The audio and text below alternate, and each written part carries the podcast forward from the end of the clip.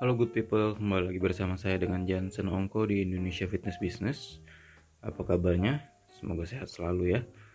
Nah, pada kesempatan kali ini saya ingin berbagi bagaimana caranya supaya klien atau member kita dapat lebih loyal, dapat lebih setia pada kita atau pada pusat kebugaran yang kita miliki.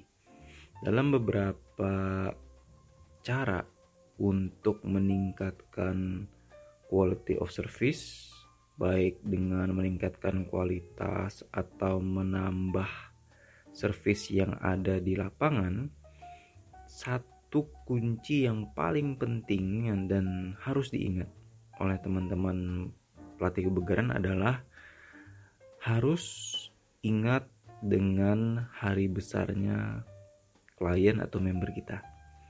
Baik itu pertama kali dia join, pertama kali dia mungkin break the record atau tanggal kelahirannya.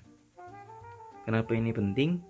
Karena masing-masing individu akan merasa sangat dihargai sekali apabila hari kelahiran atau hari spesial mereka diselebrasi tidak peduli besar kecilnya yang penting diselebrasi selebrasi dalam bentuk mungkin fitness challenge yang didesain khusus untuk dia atau dapat juga dirayakan seperti makan kecil-kecilan atau dibelikan kue ulang tahun atau apa pun itu yang memberikan kesan bahwa kegiatan ini spesial atau khusus untuk dia.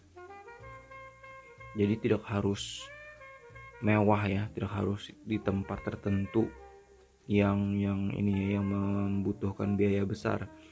Justru sesuatu yang berkesan itu tidak harus memakan biaya yang besar. Nah, ini yang mesti diingat.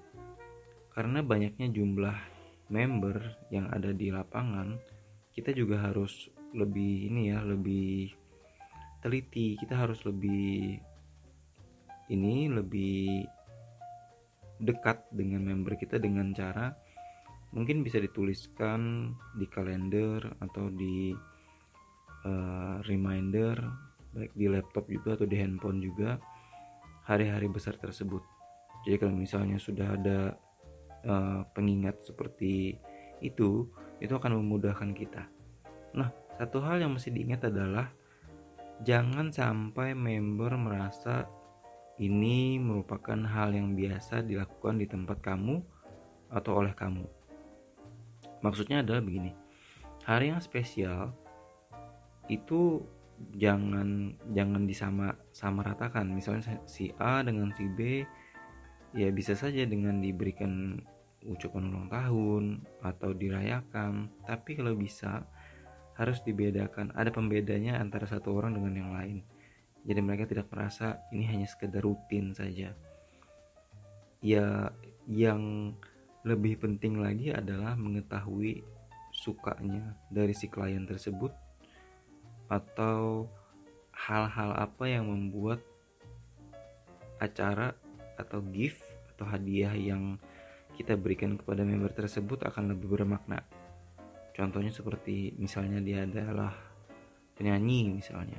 Dia seorang penyanyi maka ya mungkin kue ulang tahunnya nanti ya berbentuk mikrofon atau misalnya berbentuk uh, nada musik uh, not lagu uh, apa pun itu yang berhubungan dengan musik.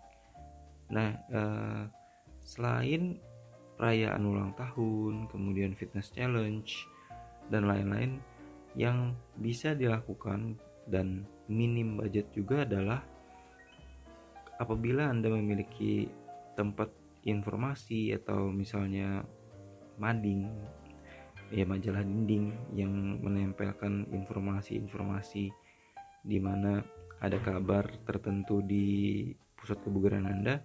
Nah, itu juga bisa digunakan sebagai uh, ini ya, wall of memory. Wall of memory itu adalah di mana semua kegiatan misalnya hari-hari selebrasi atau apa pun itu uh, bisa ditempelkan. Nah, berhubungan dengan hari besar tersebut, misalnya Anda sudah melakukan suatu challenge untuk si A atau si B, nanti uh, dokumentasinya bisa ditempelkan di mading tersebut beberapa waktu, mungkin satu minggu atau dua minggu. Di situ tidak hanya memberikan kesan di hari pertama saja atau di hari acara saja, tetapi akan terus memberikan kesan yang mendalam kepada member kita. Nah, kenapa ini penting banget? Karena service plus ini walaupun tidak menambahkan biaya tapi impactful impactful dalam dalam kata lain berkesannya dan saya yakin sekali di tempat lain tidak akan mereka dapatkan nah faktor X ini yang membuat seorang klien dapat menjadi sangat-sangat loyal terhadap jasa kita dan juga uh, Anda menghemat banyak dana untuk uh, sekedar mempromosikan jasa ataupun usaha Anda. Nah, selain mengadakan acara ulang tahun, kemudian fitness challenge, menempelkan mading, mungkin bisa juga uh, sesekali dikumpulkan lah misalnya member-member yang menurut Anda sangat spesial, misalnya yang sudah berlatih lebih dari satu atau dua tahun bersama Anda itu diajak gathering. Gathering itu seperti ya bisa makan siang bareng memperkenalkan member A dengan member B atau antar member sehingga mereka akan semakin akrab. Ini juga sangat baik apabila Anda dapat lakukan. Karena bagaimanapun juga kalau kliennya cocok dengan Anda misalnya klien ini memiliki sifat tertentu dan cocok dengan Anda dan klien-klien yang lain juga cocok dengan Anda, maka sangat besar kemungkinan kalau klien-klien itu juga cocok antara satu sama yang lain. Nah, kenapa ini penting menciptakan bonding antara klien? Karena mereka akan merasa apa ya memiliki teman seperjuangan dan juga mereka sudah memiliki topik untuk bicara antara satu sama lainnya, yaitu Anda. Baik itu dari sisi trainingnya, sifat Anda sendiri maupun pola makan dan apa pun itu yang berhubungan dengan fasilitas dan servis yang Anda miliki. Jadi, jangan lupa ini bisa uh, sangat efektif untuk menciptakan long term ini ya uh, sukses. Semakin akrab antar member dengan Anda atau member antar member, maka akan semakin secure bisnis Anda dalam jangka yang panjang. Nah, kalau misalnya ada kendala atau misalnya ada pertanyaan seputar bagaimana membangun hubungan yang kuat antara member dengan member, silahkan DM aja. Karena sebenarnya saya sangat banyak sekali opsi-opsi dan cara-cara yang telah saya lakukan selama perjalanan karir saya.